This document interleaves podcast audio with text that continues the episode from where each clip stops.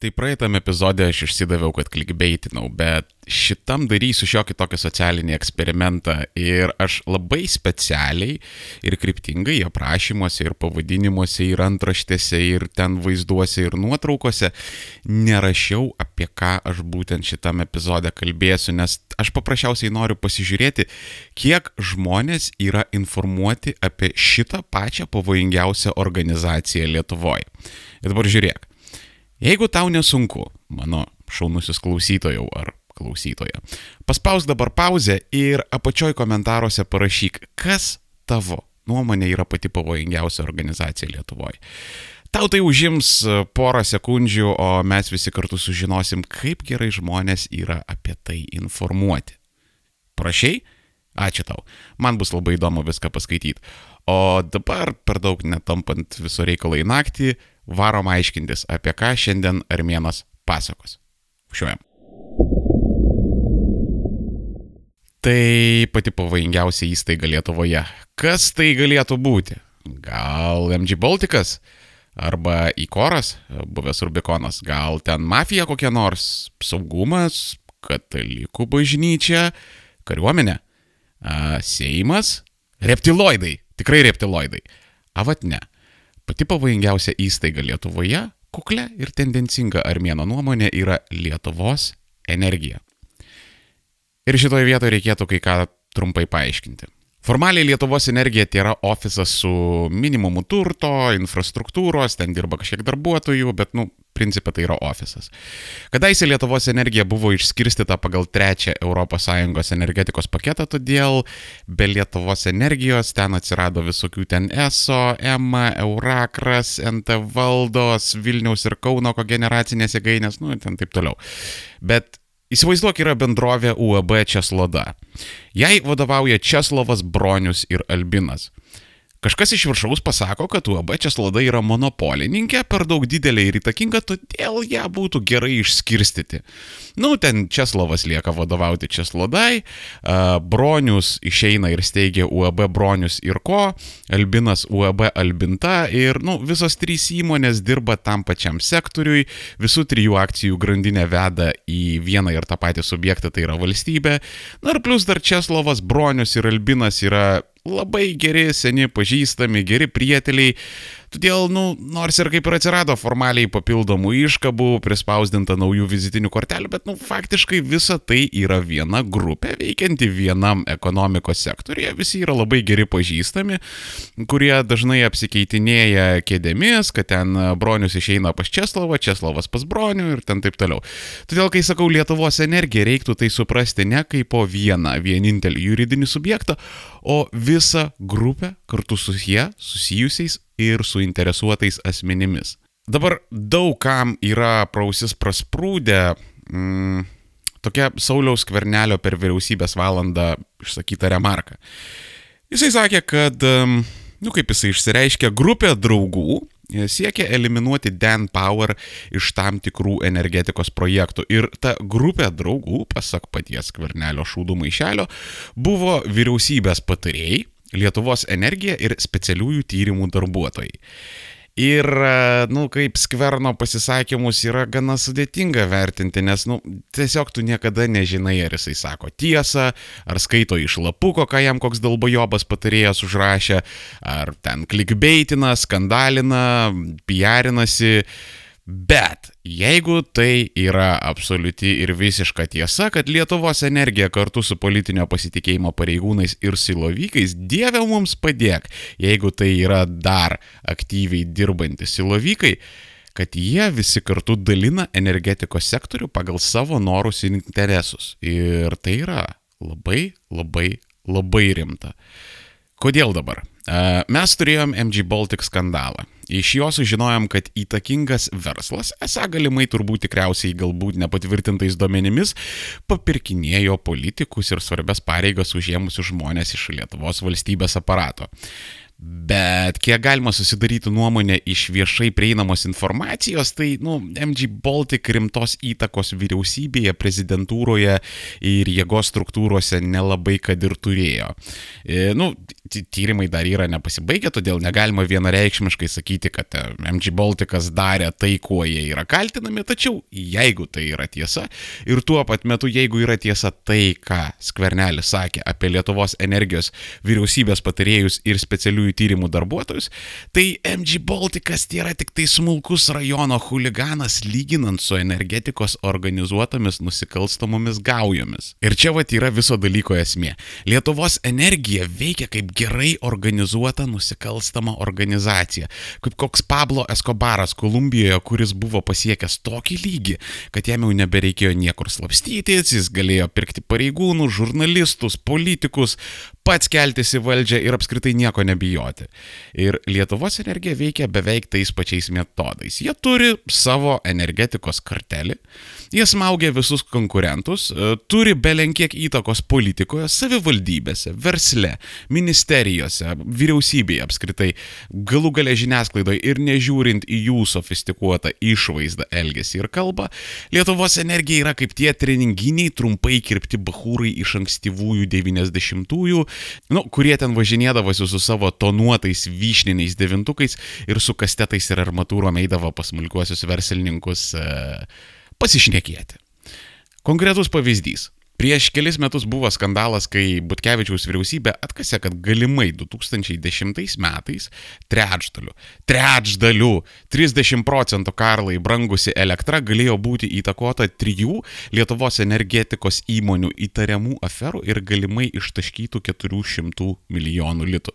Ta prasme, ten, nu, plėt, kaip kokiai Boroto valstybėje, ten rado, nu, absoliučiai visko. Ir sporto klubo nuoma, ir asmeninės pilatės, o treniruotės sodybas, ir kaimo turizmo sodybos, ir upės alkoholio, ir komandiruotės į Malaisiją. Nu, karočią, mokėjo žmonės linksmintis. Ir čia dar huinė, nes rimčiausias kaltinimas, kad elektrienai už pigiai pirko latvišką, rusišką ir baltarusišką elektrą, o perpardavinėjo ją už brangiai, tipo, nu kaip ir lietuvišką. Dar kartą pasikartoju, galimai trečdalių elektra brango.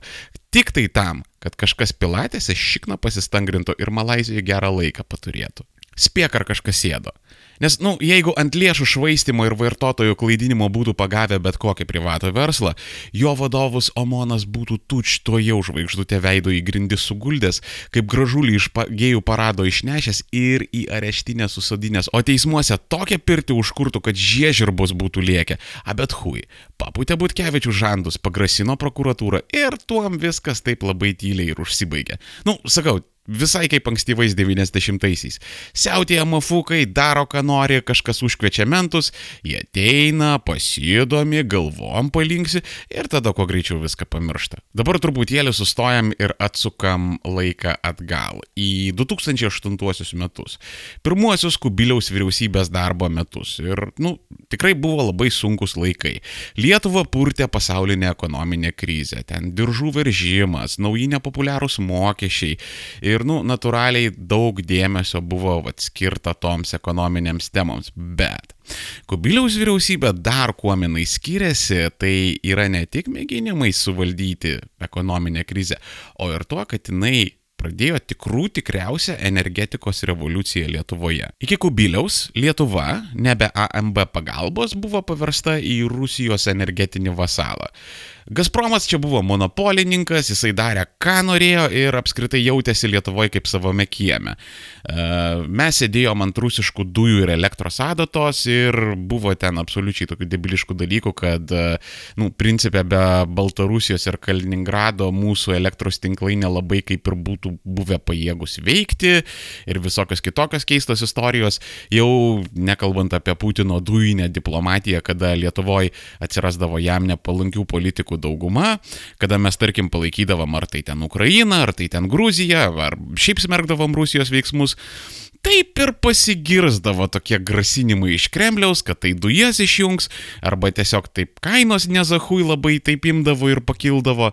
Nu, long story short, Kubilius ir jo vyriausybė tai garsiai įvardino ir paskelbė, kad jie sieks Lietuvos energetikos nepriklausomybės. Nu, kas iš esmės yra labai geras, kilnus ir naudingas tikslas, bet aš turiu tokį įtarimą, kad tariant žodžius energetinė nepriklausomybė, Kubiliaus, jo ministrų ir bendrapartiečių galvose skambėjo viena viską keičianti frazė. Tai yra, bet kokią kainą. Ir aš ruoždamasi šitam epizodui pakankamai daug researchinau ir susitikau su tokia nuomonė, pavadinkim taip, kad visa tai, ką aš tau mano brangusis, mislingasis klausytojo papasakosiu, yra toks visa apimantis kažkokių tamsių jėgų samokslas. Ir aš manau, kad yra kur kas baisiau, nes tai galėjo būti banali, būtinė nekompetencija. Ir čia klausimas, tipo, nu, ble, terminai, ką tu čia nusišneki? Kaip nekompetencija gali būti baisesnė už piktų dėdžių reptiloidų iš Nibirų planetos schemas ir machinacijas? Tai dabar žiūrėk. Jeigu egzistuoja kažkokie metaforiniai masonai su savo Lietuvos užvaldymo planais, nu, kad ir kaip tai konturintuityviai beskambėtų, tai yra gerai. Labai gerai. Nes vadinasi, egzistuoja gyvatė, kuriai galima nupjauti galvą. Nekompetencija gi yra pavojinga tuo, kad jis savo prirūkyto bunkerio neturi, kuriame ten ehidnai trindama rankomis piktai kikena, ten rengiasi eiliniam valstybės užvaldymo etapui, taip toliau ir panašiai. Nekompetencijos jos, nu, iš principo tu negali atleisti iš pareigų, areštuoti, apkaltinti, nuteisti ir pasodinti, nes, nu, nekompetencija jinai gyvena savo gyvenimą.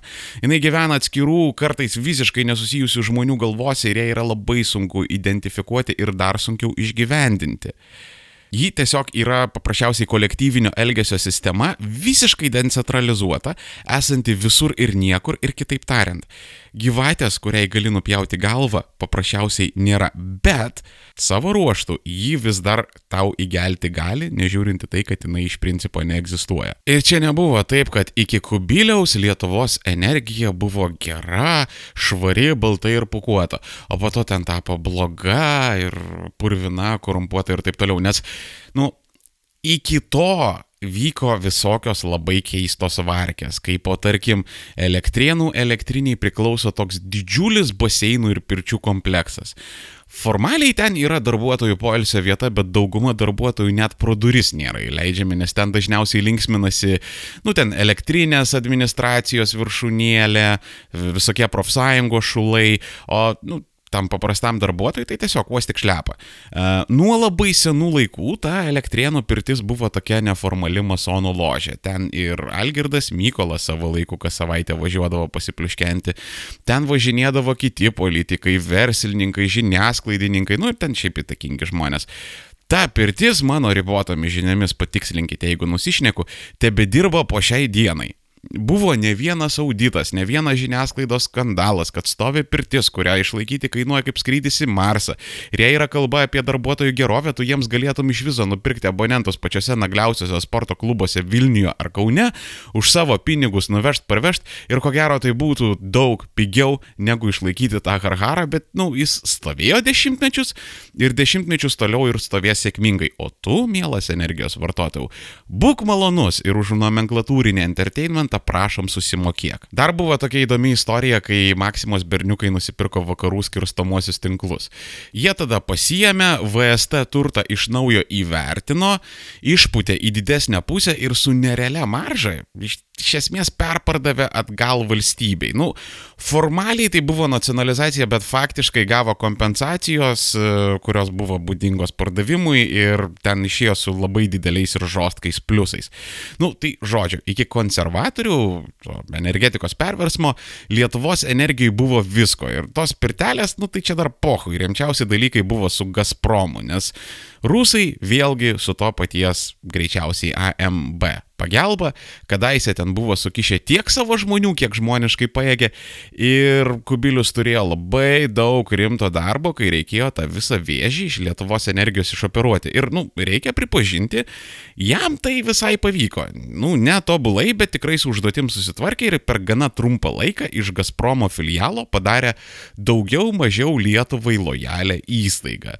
Nu, čia su daug žvaigždučių, visokiais ir bet tačiau, nes žmonės buvo pakeisti ir buvo realiai žiūrėta tik tai į vieną vienintelį kriterijų. Tai yra, ar yra ar nėra ryšių su rusais. Toliau niekas nedomino, ar jie švarus, ar korumpuoti, įima atkatus, užsijama nepotizmu, visa tai buvo nusispjaut. Tol, kol jie nedirba su rusais, viskas yra gerai pasikartosiu dar kartą, energetinė nepriklausomybė bet kokią kainą. Ir čia buvo klaida, labai didelė klaida, nes jeigu tu žmogui neapribosi elgesio, jis paprasčiausiai per labai trumpą laiką pasijaus nebaudžiamas, visagalis ir pradės taip labai normaliai hujelint. Toks, nu, vienas anegdotas ir nepatvirtintas pavyzdys, man žinantys žmonės pasakojo, kad Lietuvos energijos berniukai tiesiog koja atidarinėja energetikos ir finansų ministerijos duris, jie ten jaučiasi jaučiasi kaip namuose ir kaip pikti liežuviai išneka, nevengia atvirai grubylinti pareigūnams, kuriems yra tiesiogiai pavaldus. Aš dar esu girdėjęs apie ekstravagantiškas Lietuvos energijos korporatyvkės, nu, kurios ten savo prašmatnumu ir pompastiką nelabai nusileidžia Lietuvos oligarchų potoms. Galima šiaip pasidaryti, kokiose patalpose yra įsikūrusios Lietuvos energijos įmonės. Nu, dažnu atveju tai yra tokios geresnės, brangesnės miestų dalys, patys pastatai būna daugiau negu respektabilus, e, tarnybinės mašinos neretai ne šiaip ten kokios nors telelato komplektacijos, ten penkiametės Škodas ar Seatai, o nuliovos audinės ir Volkswagenai ten su odiniam sėdynėm, televizoriais ir ten daugeliu kitų prabangių opcijų. Į algas dar galima atkreipti dėmesį, tarkim, Pačios Lietuvos energijos vidutinis atlyginimas yra virš 3600 eurų. Litgrydė apie 2,5 tūkstančio eurų. Energijos tiekime virš 2800 eurų. Lietuvos energijos tiekime virš 3000 eurų. Duomenų logistikos centre virš 2,5 tūkstančio eurų. Elektroninių mokėjimo agentūroje virš 2000 eurų. Apskritai, Lietuvos energijos grupėje yra sunkoka rasti algų mažesnių negu pusantro tūkstančio eurų. Nu, čia kaip ir zaibys, nu, tipo moka europietiškas algas, ten viskas gerai, bet, nu, tada klausimas, ar mes už tai gaunam europietišką aptarnavimą? Nes, nu, tarkim, toje pačioje vakarų Europoje tu su savo ten elektros ar šilumos ar dujų tiekėje gali pasikeisti, nu, taip pat lengvai kaip mobilaus ryšio operatorių.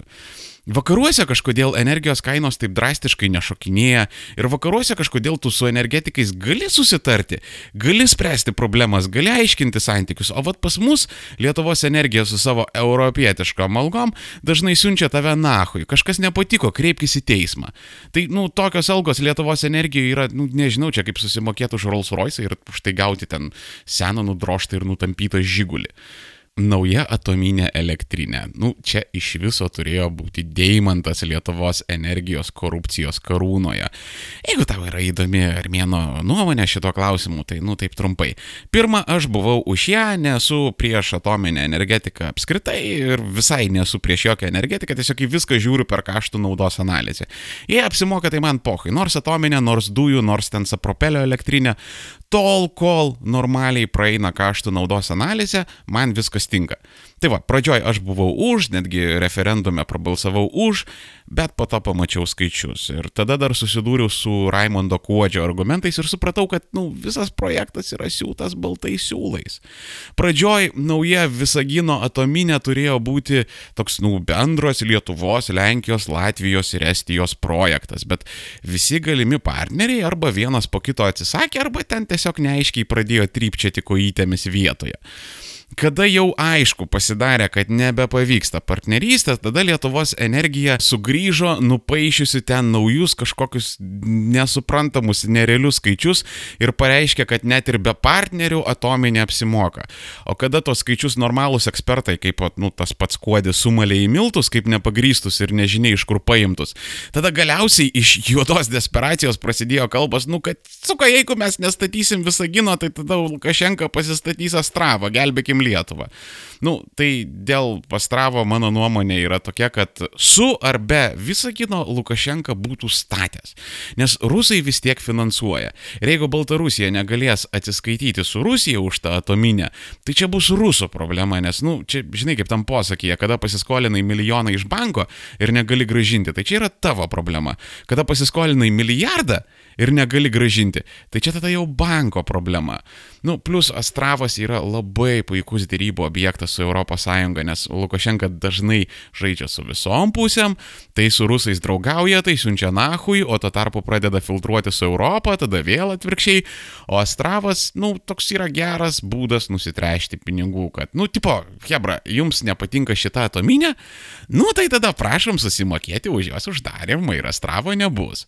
Nu, karočią, vieni pliusai. Ir čia mes galėjom nors tris atominės statyti, bet Astravas vis tiek, vis tiek būtų stovėjęs.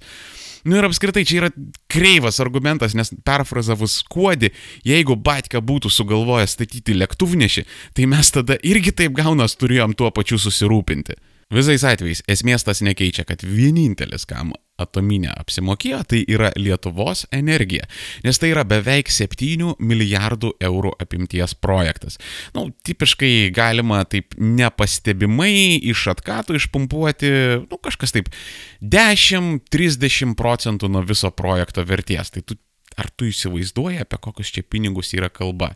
Tai čia suinteresuotų žmonių anūkų pronukiams būtų užtekę ir turint omenyje, kad Lietuvoje yra pridaryta belenkokių maklių ir aferų ir iš esmės nu, beveik niekas nėra sėdęs ar normaliai atsakęs už savo veiksmus, tai nu, tu tiesiog durnas turėtum būti, kad nenorėtum tokios varkės. Ir tų neaiškių schemų yra tiesiog legionas, su suskystintų dujų e, terminalu ne viskas aišku, senosios atominės elektrinės uždarimo peripetijos, kur Lietuva yra sulaukus ne vieno drausminančio skambučio iš Europos komisijos, kaip elektrienose buvo didinamos kvotas deginant brangias rusiškas dujas, kai buvo prisukta Benny Hillo šau vertų teisinių nesąmonių su Saulės energija, bet žinok, yra dar daug smulkesnių istorijų, kurių mes paprasčiausiai nematom, nes Lietuvos energija yra tiesiog aplipusi keistais pirkimais, neaiškiais sandoriais, ekstravagantiškom samatom ir todėl tu, drauguži, kasmet gauni vis didesnės energijos sąskaitas. Ir atleisk man, kad jeigu ne apie visas varkės ir maklės kalbu, bet, nu, tiesiog, jeigu imčiau laikotarpį vien tik tai nuo 2008 iki dabar, nu, man turbūt paros neužtektų, kad aš tau viską papasakočiau. Ir viso to rezultatas yra ganėtinai paprastas. Nepriklausomi energijos gamintojai yra stumiami iš rinkos, tuoj tau malkom uždraus kūrenti, valstybė jau pradeda remti prisijungimą prie centrinio šildymo ir tu sėdėsi brangusis ant Lietuvos energijos adatos ir paskutinius pinigus atidavinėsi už šildymą, dujas ir elektrą, nes yra vis dėlto burys berniukų ir mergaičių, kurie nori gyventi gražiai ir jie į tai turi visą pilną Dievo duotą teisę. Ir čia tau turbūt stojasi labai natūraliai natūralus klausimas, kad pala, pala, stop. Kodėl aš apie tai nieko nežinau? Kodėl armėnas nepatingi išknisti viešus, visiškai laisvai prieinamus duomenis, o žiniasklaida tyli? Tai simple. Todėl, kad jinai yra promokėta. Jeigu tu nenaudoji atbloko, ar tu pavyzdžiui susimastai, kodėl portaluose gali kalbėti, tarkim, kokia nors Lietuvos energijos reklama, ten pavyzdžiui, mano gilė, litgridas, apskritai, nahui reklamuotis, kai tu esi monopolistas.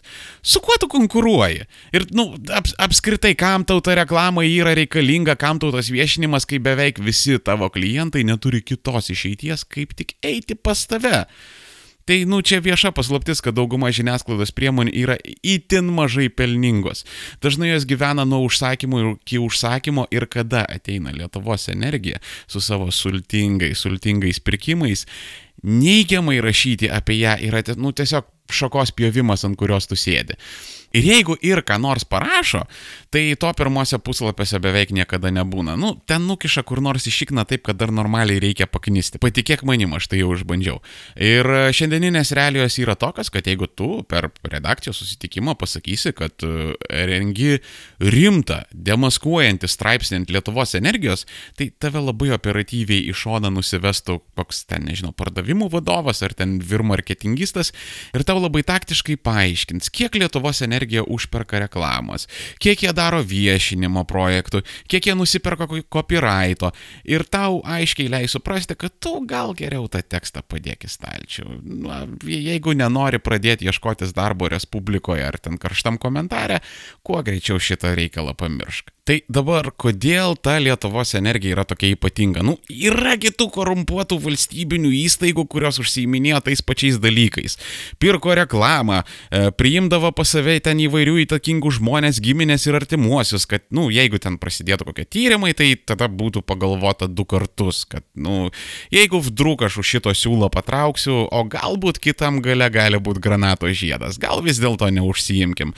Tai tas tų valstybinių įmonių dosnų dosnumas ten partijoms, aktyvus e, priešrinkiminių parašų rinkimus. Nu, visi nuo Lietuvos geležinkelių iki kokio nors kalabybiškio kultūrnamio taip daro.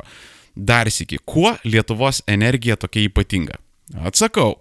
Kubiliaus valdymo metu ji buvo pakelta į gerokai aukštesnį statusą. Anksčiau tai buvo valstybinė įmonė, kuri gamino ir tiekė energiją vartotojams, o Kubiliaus vyriausybės valdymo metu ji tapo ypatingos svarbos strateginė institucija nelygų kokią tai ministerija, su teisinė protekcija iš prezidentūros, iš kurios beje yra išėjusių žmonių ir radusių pakankamai neblogą karjerą Lietuvos energijai. Toks labai įdomus faktas. Ir dabar situacija yra tokia, kad beveik visas Lietuvos energetikos sektorius yra faktiškai vienose rankose. Nu, ten jo yra apystambių žaidėjų, kaip ten tipo Dan Power, Fortum, ten buvęs Rubikonas, visokie Rakausko, Žabolio, ten Achemos projektai, bet, nu, čia yra smulkmė palyginus ir dar sparčiai besitraukianti, nes Lietuvos energija kaip tik gali taip gesina privačius energetikus. Priedo dar Lietuvos energija yra tapusi įstatymus leidžiančia valdžia ir dažnai pasirūpina, kad Seimas tvirtintų konkrečiai jai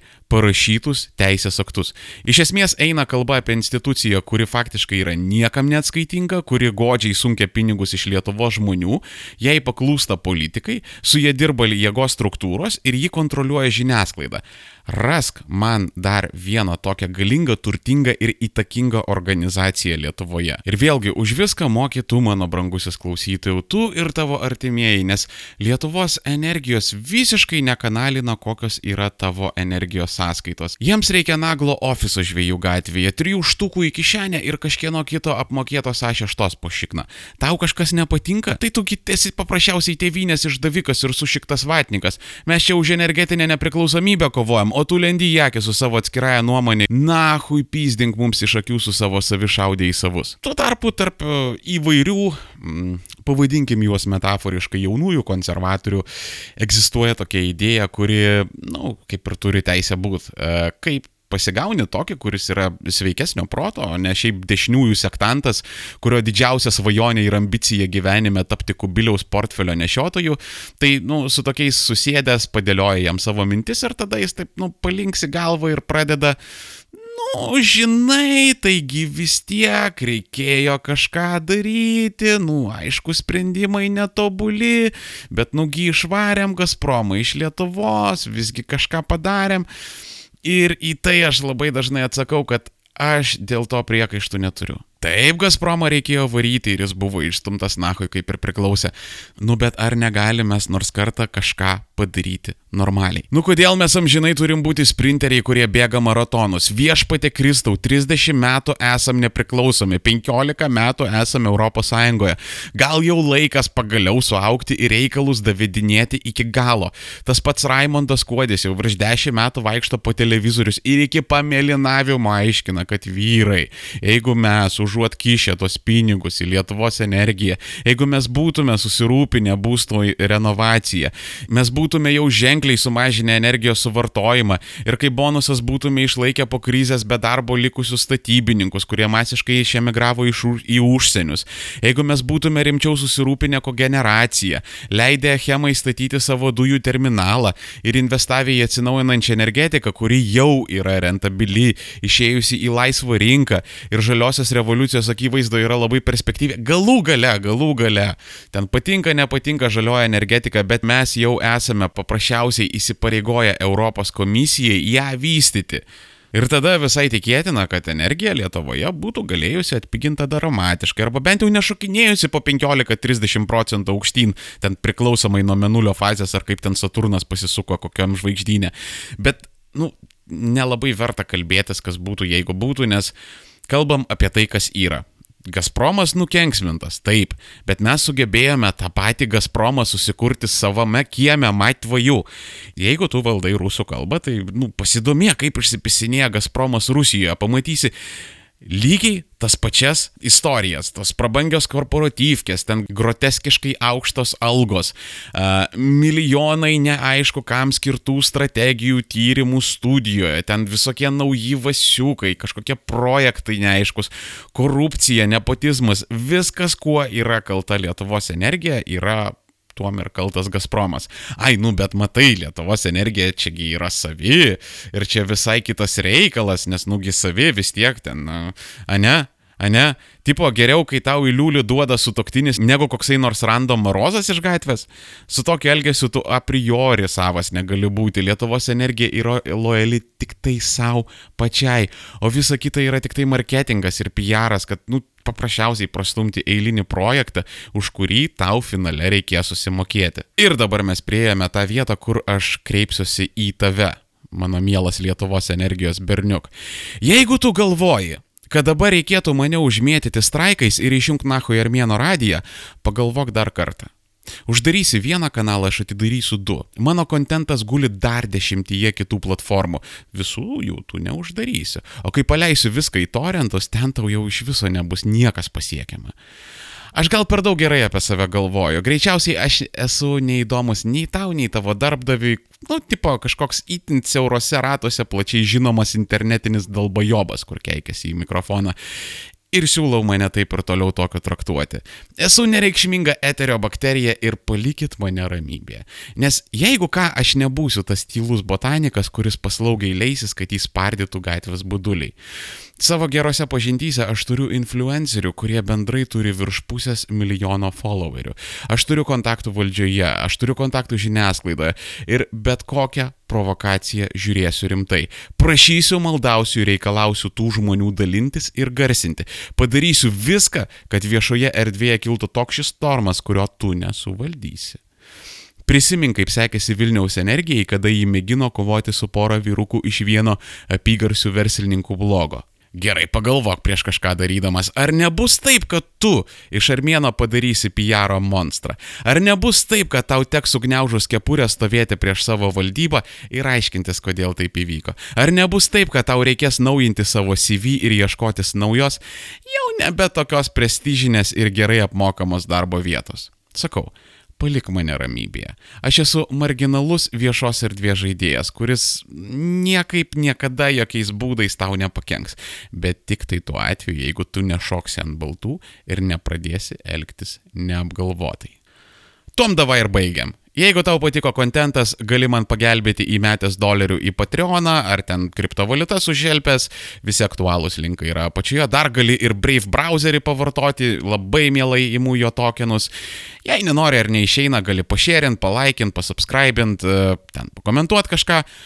O jeigu tu dirbi Lietuvos energiją ir dabar tau verda šūdą ir trūkčioja akis, išjung mane kuo greičiau. Tu neprivalai manęs klausyti ar žiūrėti, tu man nieko neskolingas ir geriau įsijung kokią nors tapino Viktoriną ir nusiraminsi ir kažką naujo išmoksi ir gyvenimas bus gražesnis. Davai, sėkmės visiems. Čia Brašė. Shabadabadashta, shabadabadashta, shabadabadashta, shabadabadashta, shabadabadashta. Zirrakçık ilçe stalis